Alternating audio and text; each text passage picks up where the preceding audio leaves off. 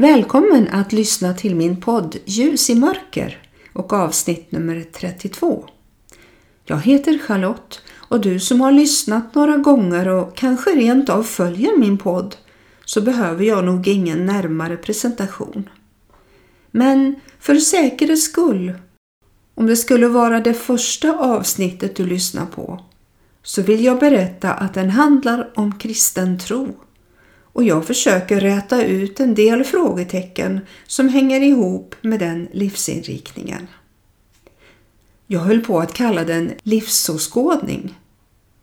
Och det betyder ju egentligen livssyn, filosofi eller tro. Det kallas också för en genomtänkt syn på livet och meningen med det. Alltså livsfilosofi. Jag kan inte vara överens med den benämningen. Visserligen kallas ju filosofi en vetenskap som behandlar de grundläggande frågorna för forskningen och för tillvaron. Alltså ett allmännare synsätt. Men smaka på ordet kristen tro. Det är en livsinriktning. Men kanske inte förrän man har bejakat det Bibeln säger och lär och tackat ja till inbjudan om frälsning. Då har man fått en livsinriktning som man väljer att följa oavsett om det kostar på att bli både smädad och misshandlad. Det är många som har fått uppleva den sortens motstånd när de blivit kristna. Och det kan vara en anledning till att man väljer att inte bli en kristen. I alla fall inte fullt ut. En annan anledning kan vara att man tycker sig tro att det kristna livet är så fatalt tråkigt och innehållslöst och med en massa bestämmelser om att man inte får göra det ena eller det andra. Då vill jag med glädje hälsa dig välkommen in i min förra livssyn. Alltså den jag hade innan jag visste bättre.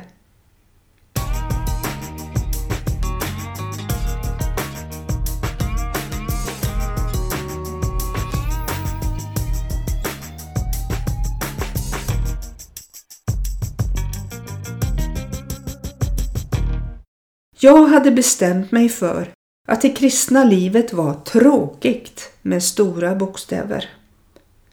Att gå till kyrkan gjorde jag inte i onödan. Att lyssna på andliga sånger var inte min melodi. Och att läsa Bibeln, ja, den var helt oförståelig. Den bibel som fanns när jag var i tonåren var 1917 års översättning där det står skolen och haven, låten och gåvo som egentligen idag heter skall, ha, låt och gav. Jag kan idag förstå varför jag var emot den kristna tron.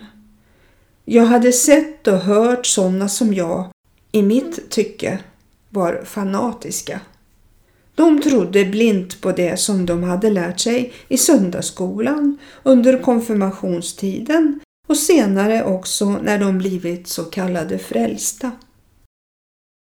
Det skrämde mig lite. Jag var rädd när jag träffade sådana självsäkra människor, för jag visste inte hur jag skulle bete mig.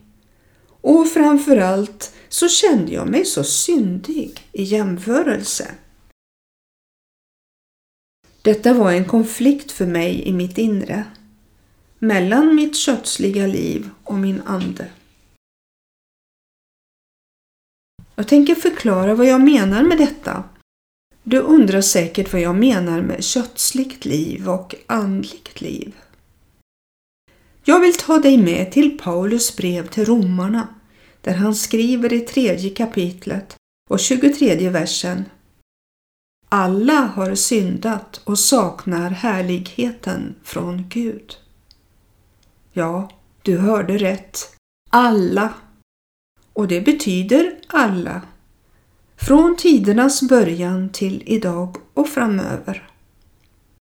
Till och med de rättrogna israeliterna som hade fått lagen från Gud genom Mose på Sinai berg. Lagen gavs för att alla skulle inse vidden av sina misslyckanden. Och det betyder att det inte finns någon människa som kan hålla hela lagen. Och då undrar du säkert, varför fick de lagar som de inte kunde hålla? Det verkar ju meningslöst. Precis som rättsväsendet i våra dagar som ger riktlinjer för hur man ska förhålla sig till olika bestämmelser i samhället. Blev de till på samma premisser kan man ju undra. Ända sedan Adam och Eva syndade i lustgården så har det varit omöjligt att stå i rätt ställning inför Gud. Därför gav Gud oss en möjlighet genom Jesus Kristus att bli syndfria genom hans död på korset.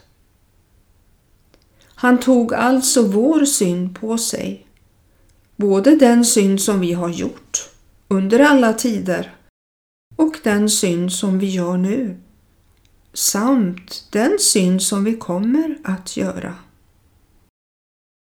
Det finns frälsning, förlåtelse för våra synder därför att Jesus, Guds son, steg ner från himlen, lät sig födas genom den helige Ande av en jungfru Maria och blev sedan korsfäst och dog med våra synder.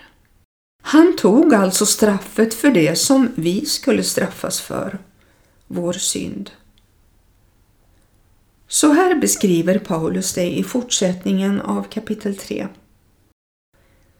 Vi står som rättfärdiga utan att ha förtjänat det, av hans nåd, därför att Kristus Jesus har friköpt oss från lagens förbannelse.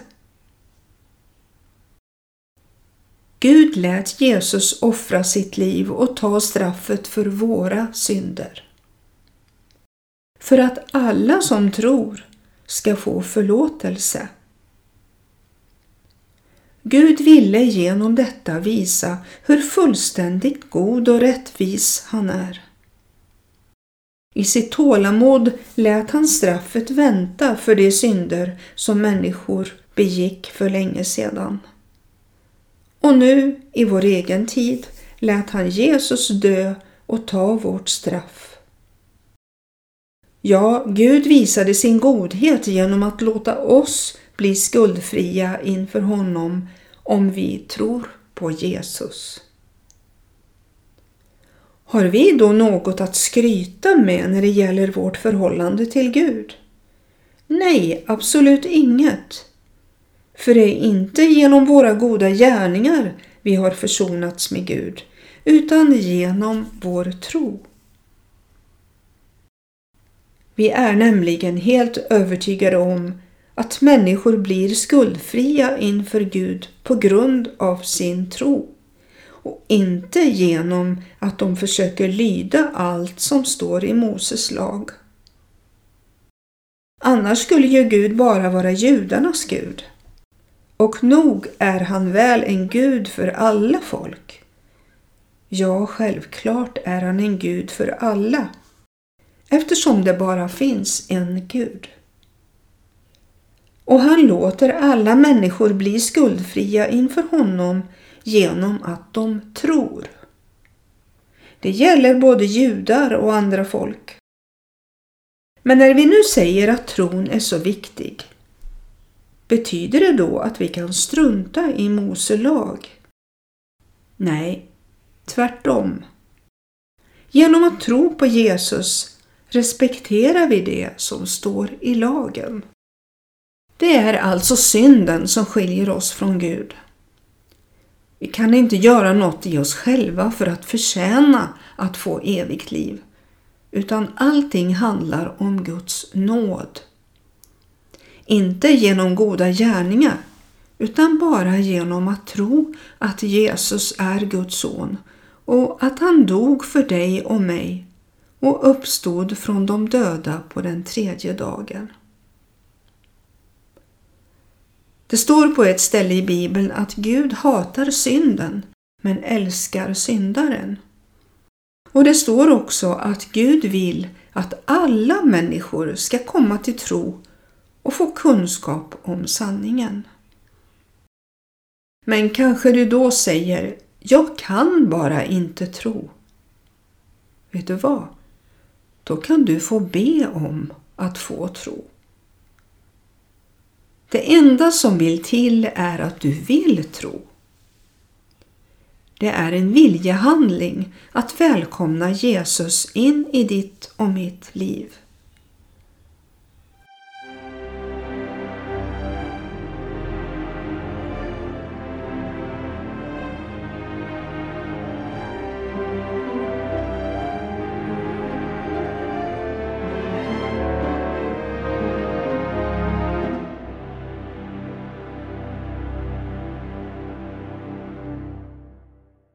Nu vill jag tala om Anden.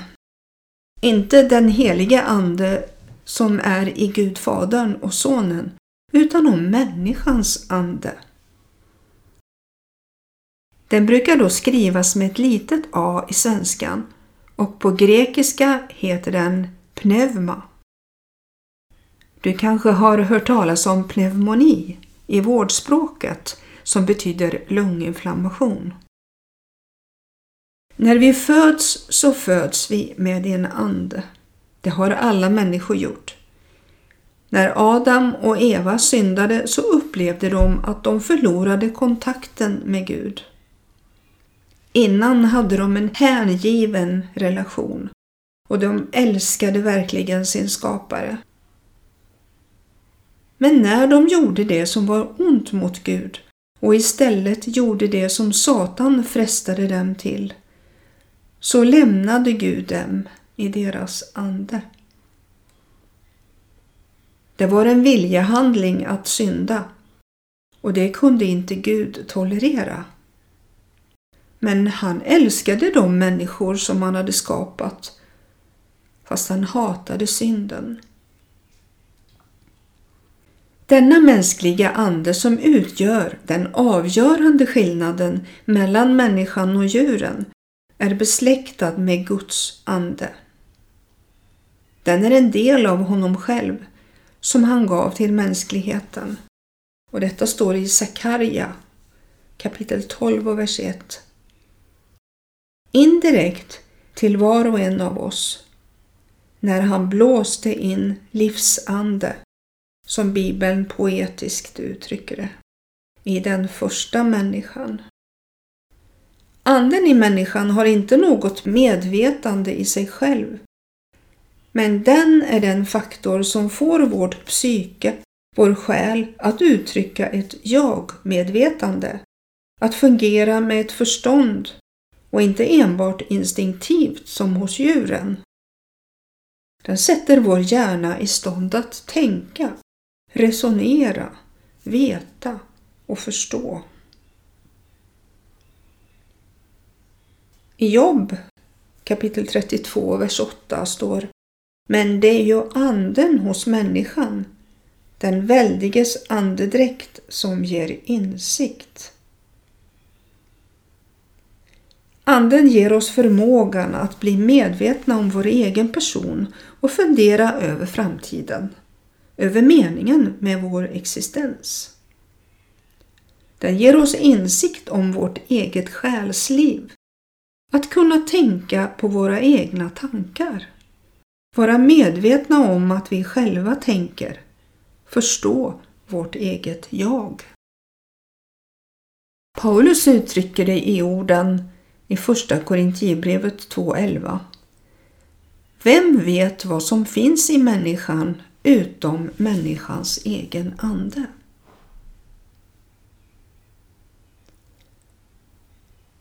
Det står i Bibeln om att det är en kamp mellan köttet och anden.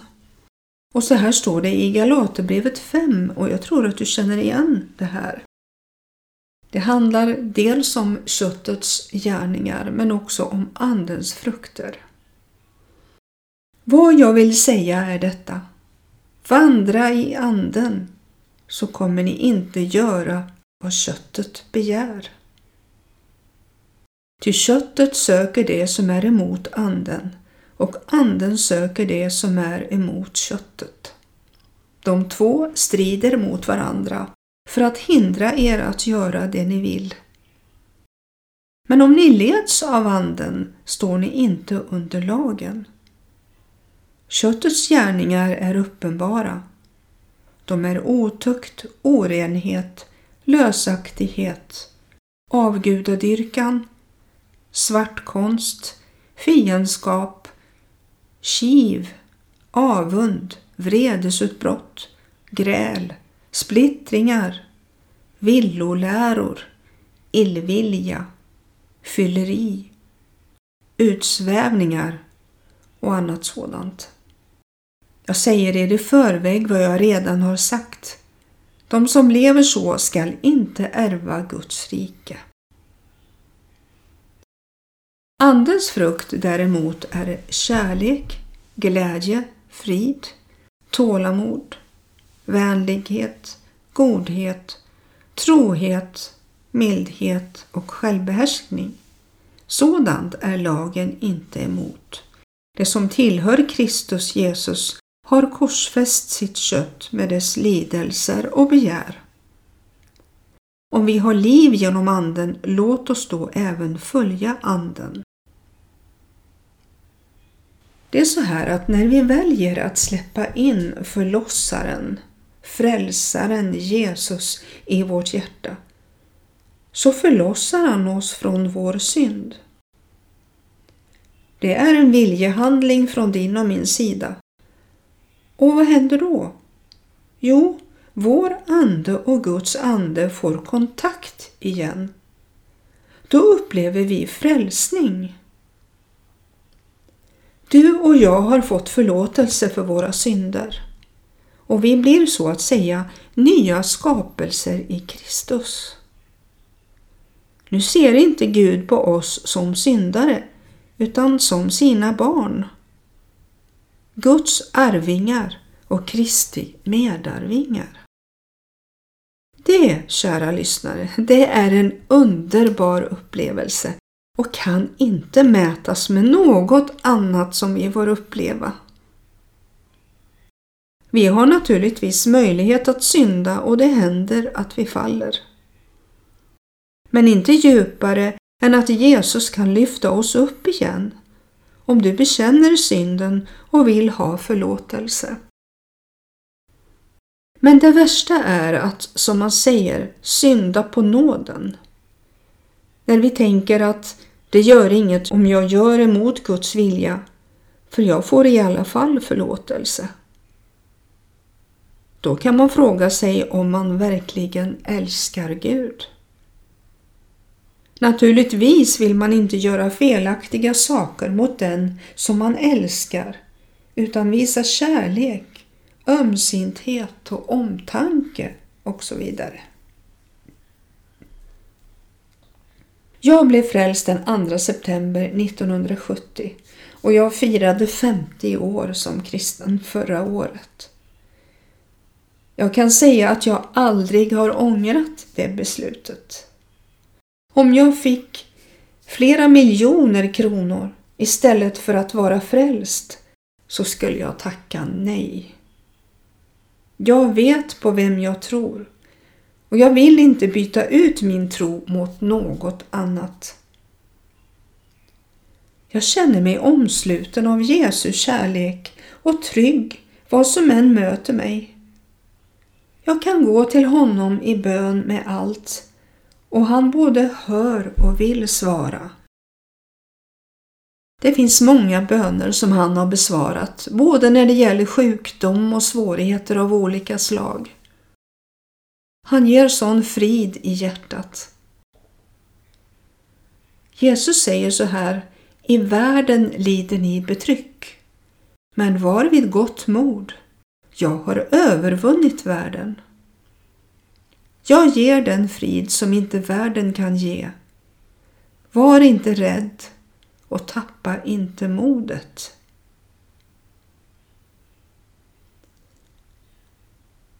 I Galaterbrevet 5, 16-18 så står det något viktigt. Jag uppmanar er därför att låta Guds ande leda er så att ni inte ger efter för det begär som finns i er mänskliga natur. Er mänskliga natur vill ju få er att göra det som är ont. Det är en strid som ständigt pågår inom er och som hindrar er att göra det ni vill. Men om Guds ande får leda er är ni inte längre slavar under den syndens slag som finns i er gamla natur. Och från vers 22. Men när Guds ande får leda oss får det till resultat att vi älskar våra medmänniskor. Att vi fylls av glädje och frid och tålamod. Att vi blir vänliga och goda mot varandra. Att vi blir pålitliga. Att vi behandlar andra med mildhet och visar självbehärskning. Och det är just detta som är sammanfattningen av Moses lag. För de som tillhör Jesus Kristus, de har spikat fast i sitt gamla jag med alla dess begär och onda lustar på Kristi kors. Och om Guds ande har gett oss liv ska vi också låta Guds ande leda oss. Det är det som kallas för en kamp mellan köttet och anden. Om vi håller oss nära Herren Jesus och låter hans ande leda oss istället för köttets vilja så vinner vi seger i våra liv. Och vi blir lyckliga och vet att vi är på väg åt rätt håll. Gud välsigne dig att ta emot Jesus i hjärtat. Låt det vara din viljehandling idag. Var rädd om dig så hörs vi snart igen.